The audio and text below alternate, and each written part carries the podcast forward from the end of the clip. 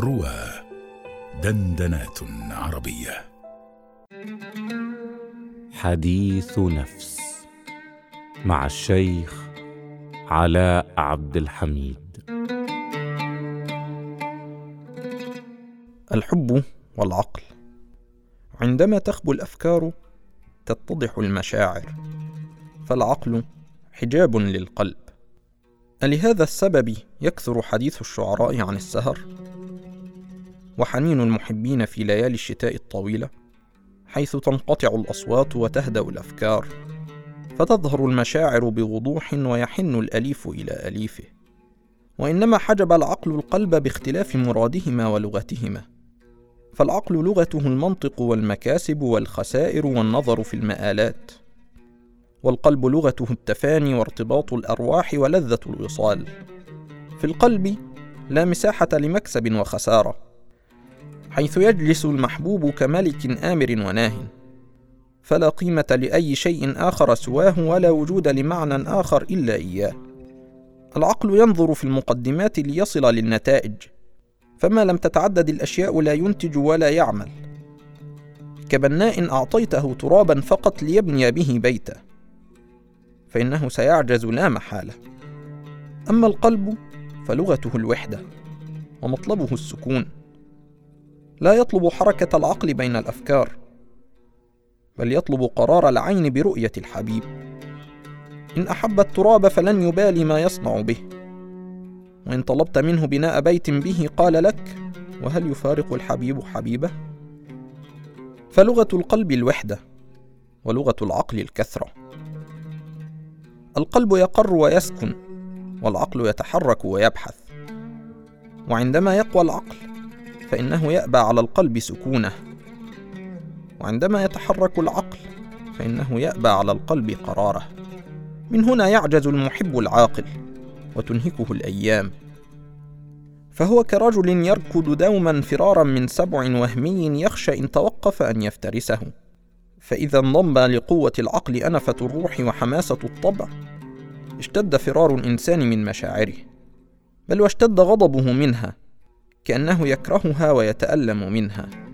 بل ربما ظهر غضبه في سخرية من كل محب واستحقار لكل رقة طبع.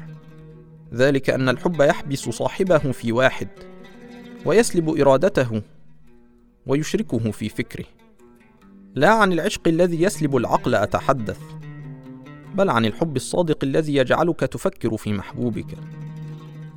وتترك مرادك طلبا لسعادته. وتؤثر رضاه على رضاك. وما يحب على ما تحب. لا مداهنة وضعف طبع بل سعادة بسعادته وطلبا لرؤية فرحته. فلا شيء عند المحب الصادق أكمل من بريق السعادة في عيني محبوبه. ولا شيء أثقل عليه من انطفاء عينيه بسحائب الحزن.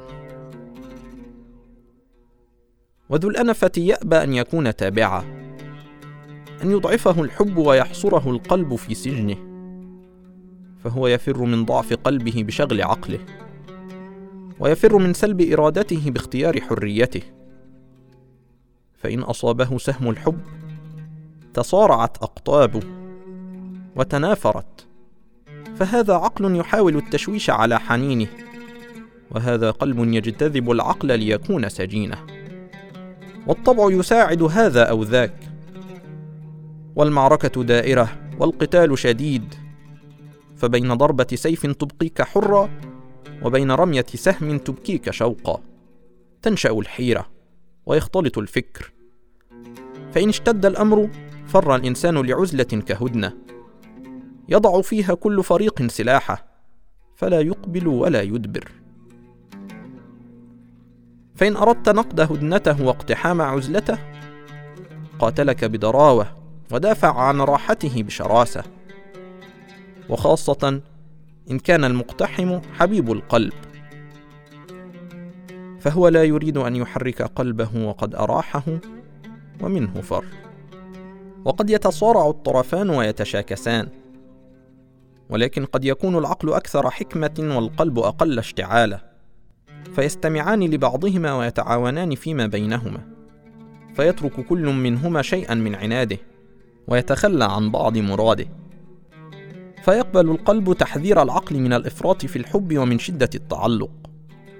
فيقلل من شغل نفسه بالمحبوب ويزاحمه ببعض المطلوبات. فإن القلب لا يشتعل إلا بكثرة الذكر. ويستمع العقل لحديث القلب فيتخفف من حذره ويقلل من حساباته. فنرى حينها ما نسميه حبا عاقلا أو هادئا. وكأننا لاحظنا تمايز الأمرين وتسارعهما. حتى صحت إضافتهما إلى بعض ووصف أحدهما بالآخر. وذلك دليل التباين.